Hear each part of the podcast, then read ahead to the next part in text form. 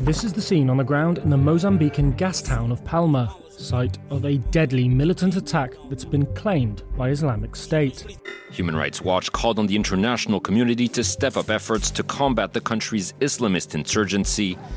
Terrorsekten IS har förlorat sitt kalifat i Mellanöstern men är långt ifrån uträknade. Terrorists from the Islamic State group are trying to create a new caliphate in Mozambique. På en kvart berättar vi om hur Islamiska staten framgångsrikt exporterat sitt terrorkoncept och hur de växer explosionsartat i ett 20-tal afrikanska länder. As the gunfire continued, they sorted themselves into small groups and had their bags ready to go. Det är tisdag den 18 maj. Jag heter Karin Bülow Orje och du lyssnar till Dagens Story från Svenska Dagbladet.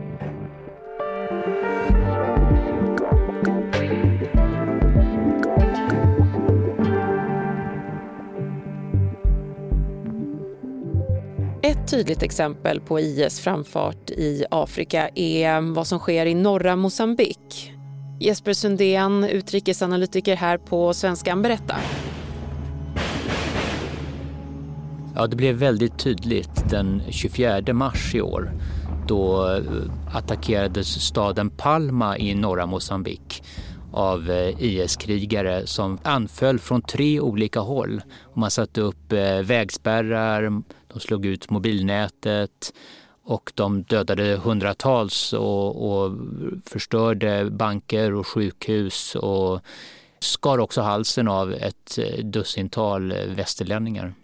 Och nu pågår en massflykt ifrån regionen. Ja, det är 700 000 människor som har flytt från den här provinsen, då, Cap Delgado i norra Mosambik. Men varför klarade inte regeringen eller Försvarsmakten, polisen att stoppa den här slakten, om vi får kalla den för det? Ja, det här är en marginaliserad provins där statsmakten inte är särskilt stark. Men bara några dagar före den här attacken så hade centralmakten skickat dit över 800 soldater. Men de sattes att bevaka en gasutvinningsanläggning som finns där öster om staden.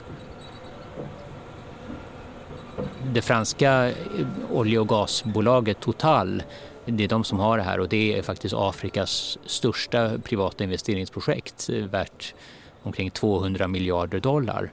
Men de här soldaterna då, de var tillsagda att bara skydda anläggningen. De var förbjudna att lämna den så de kunde bara se på och höra bombkrevader och, och kulspruteeld. Och det tog ett par dagar innan det kom soldater dit som kunde hjälpa och skydda civilbefolkningen. Ja, det var fruktansvärda scener som utspelade sig under attacken i Palma. Överlevnare har vittnat om IS-krigarnas hänsynslösa råhet. Pulled from the cabs of their trucks and murdered in cold blood. Their bodies left as a signal that a bloody orgy of violence was guaranteed. Men det är långt ifrån det första dådet som drabbar Mosambik.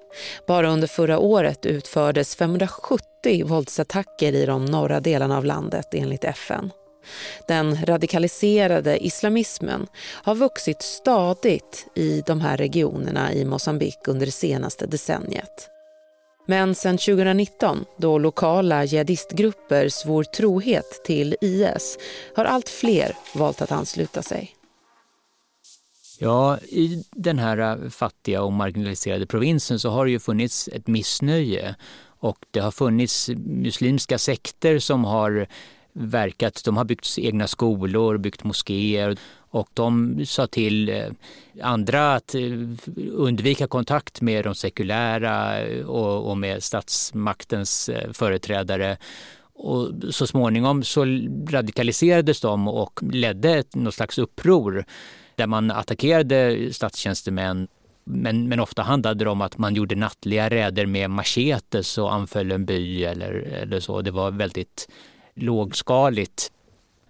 Men för två år sedan så svor de trohet till IS och sedan dess så har deras metoder blivit mer raffinerade.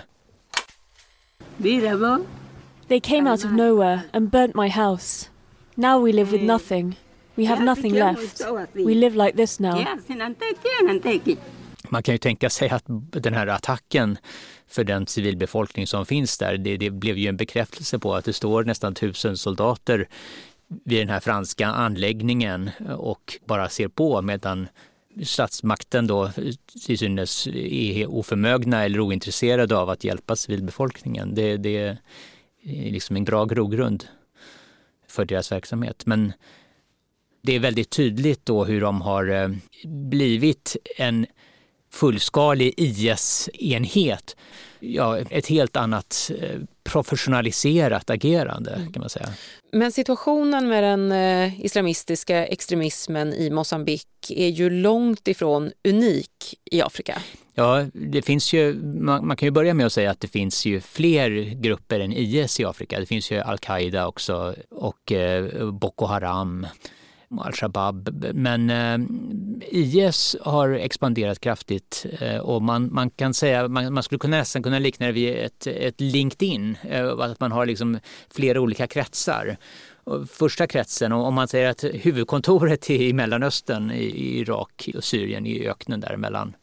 Så, så i första kretsen så är IS i, i Sinai och Libyen, Algeriet, Tunisien där har man ett direkt utbyte. Det har åkt syrier dit och, och de har eh, fått vapen och, och, och, pengar och har ett väldigt nära samband. Medan i den andra kretsen det som var Boko Haram men som numera heter IS i västafrikanska provinsen. De har inte lika nära förhållanden. De har haft några, något besök kanske av, syrier och iraker men, men de får instruktioner, får utbildning och stöd och pepp och, och kanske pengar också. Eh, och sen så har vi den tredje kretsen som är de nyaste då i, i Mosambik och i, även i, i Kongo. Det låter nästan som att IS är ett typ av franchise. Ja, ja men det kan man verkligen säga. De lånar ut sitt namn eh, och kunnande om hur, hur man gör propaganda, hur man genomför attacker effektivt, hur man får maximal publicitet det här och, och skära halsen av folk. Och, i gengäld då så får de, eh, deras varumärke stärks ännu mer. De eh, framstår som relevanta trots att de har förlorat sitt kalifat i Mellanöstern och de kan eh, fortsätta samla in pengar från, från sympatisörer och, och sprida sitt budskap. Human Rights Watch called on the international community to step up efforts to combat the country's Islamist insurgency after the capture of the northern town of Palma by jihadist militants on Saturday. Hur mycket hänger expansionen i Afrika ihop med Islamiska statens fall i Mellanöstern? Ja visst, det är ju jätteviktigt för dem att visa att de fortfarande finns och lever och växer och det gör de då i Afrika genom de här attackerna och genom grupper som svär trohet till dem. Och de väljer själva att i sina nyhetsbrev som profeten eh, lyfta fram de här afrikanska attackerna och grupperna mer än, än, än vad, vad de gör med attackerna i Syrien och Irak. De finns ju faktiskt kvar där men det är inte lika eh, stora och, och ur deras perspektiv då ståtliga eh, aktioner. Mm. Och hur ser rekryteringsunderlaget ut? Jag tänker runt ungefär 40 procent av Afrikas befolkning betecknar sig som muslimer. Men hur går rekryteringen av de här IS-krigarna till? Ja, det är, en, det är en bra fråga. Och det gjordes en, eh, en studie av FN för några år sedan som visade att eh, 71 procent av de som hade rekryterats till de här grupperna utgjordes av personer som hade upplevt att närstående eller älskade eh, personer hade utsatts för övergrepp, för våld, kanske dödats av eh, militär och polis och, och representanter för statsmakten. Och det var en väldigt stark eh, orsak till att de tog det här steget att gå över till militärt motstånd. Men det visade sig också att många av dem hade väldigt dålig kunskap om islam. Och det gjorde ju att det var ganska lätt att övertyga dem om att den här tolkningen som de här grupperna har är den rätta och sanna. زال الله الهادي من صياصيهم وأثنى قاذفا في القلب رعبا متقينا Nu är det ju en pågående pandemi redan. Fattiga länder eh, drabbas än värre, får inte tag på vaccin och så vidare. Eh, jag tänker med en desillusionerad befolkning och en, ett starkt franchise så som IS då i botten. Hur ska man på lokal men även på global nivå kunna få stopp på den här spridningen av IS då? Ja, det är ju väldigt svårt därför att en grogrund för det här missnöjet som finns och som, som IS och andra jihadistgrupper kan utnyttja så är det ju så att de här länderna är oerhört korrupta. Och de resurser som finns för att motverka eh, fattigdom och klyftor och, och även eh, spridning av virussjukdomar som covid utnyttjas ju inte. Vi har sett här under det senaste året att till exempel i Somalia där har al-Shabab har organiserat kampanjer för att upplysa och, och skydda befolkningen från covid och vårda sjuka. Eh, en service som tyvärr då statsmakten inte erbjuder på väldigt många ställen i Afrika. Så att det här är, kan man ju säga, det, det, skulle, det skulle kunna vara en chans för statsmakten att visa sig relevant och att den bryr sig. Men istället så utnyttjas det här av, av islamisterna.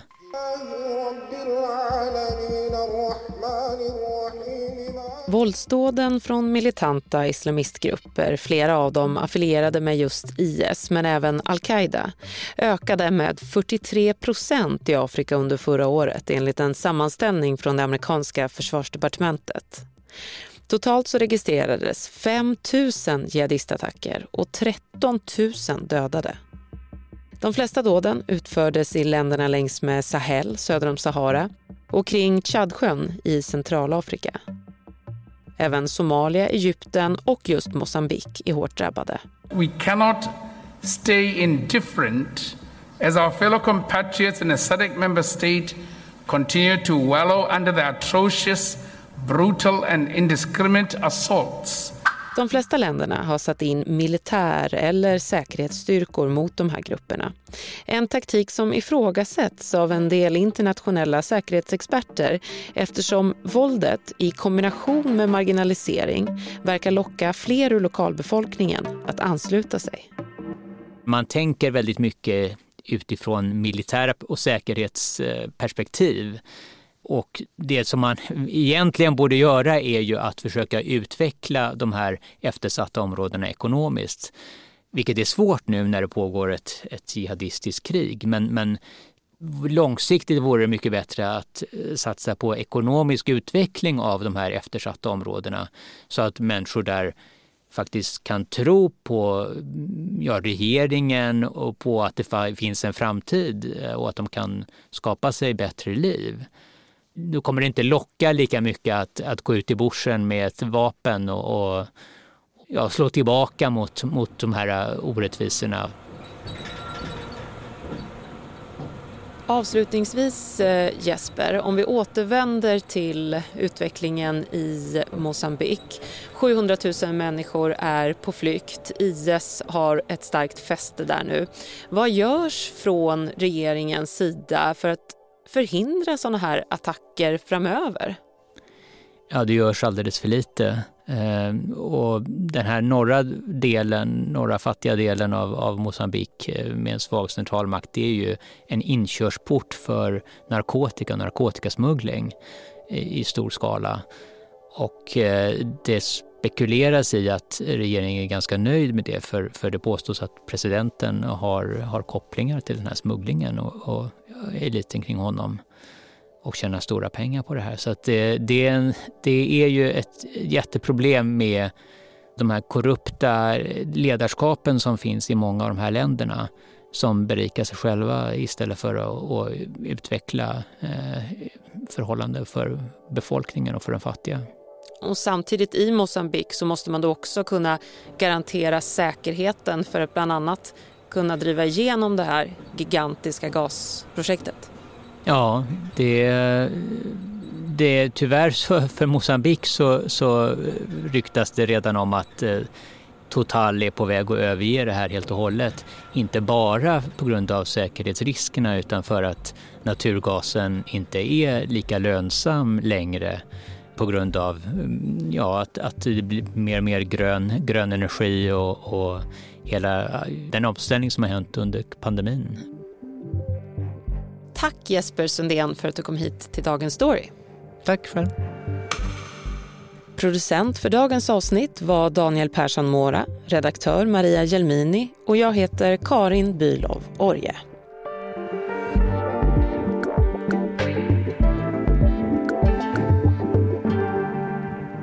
Du har lyssnat till Dagens Story från Svenska Dagbladet. Ett ämne, en kvart, varje vardag.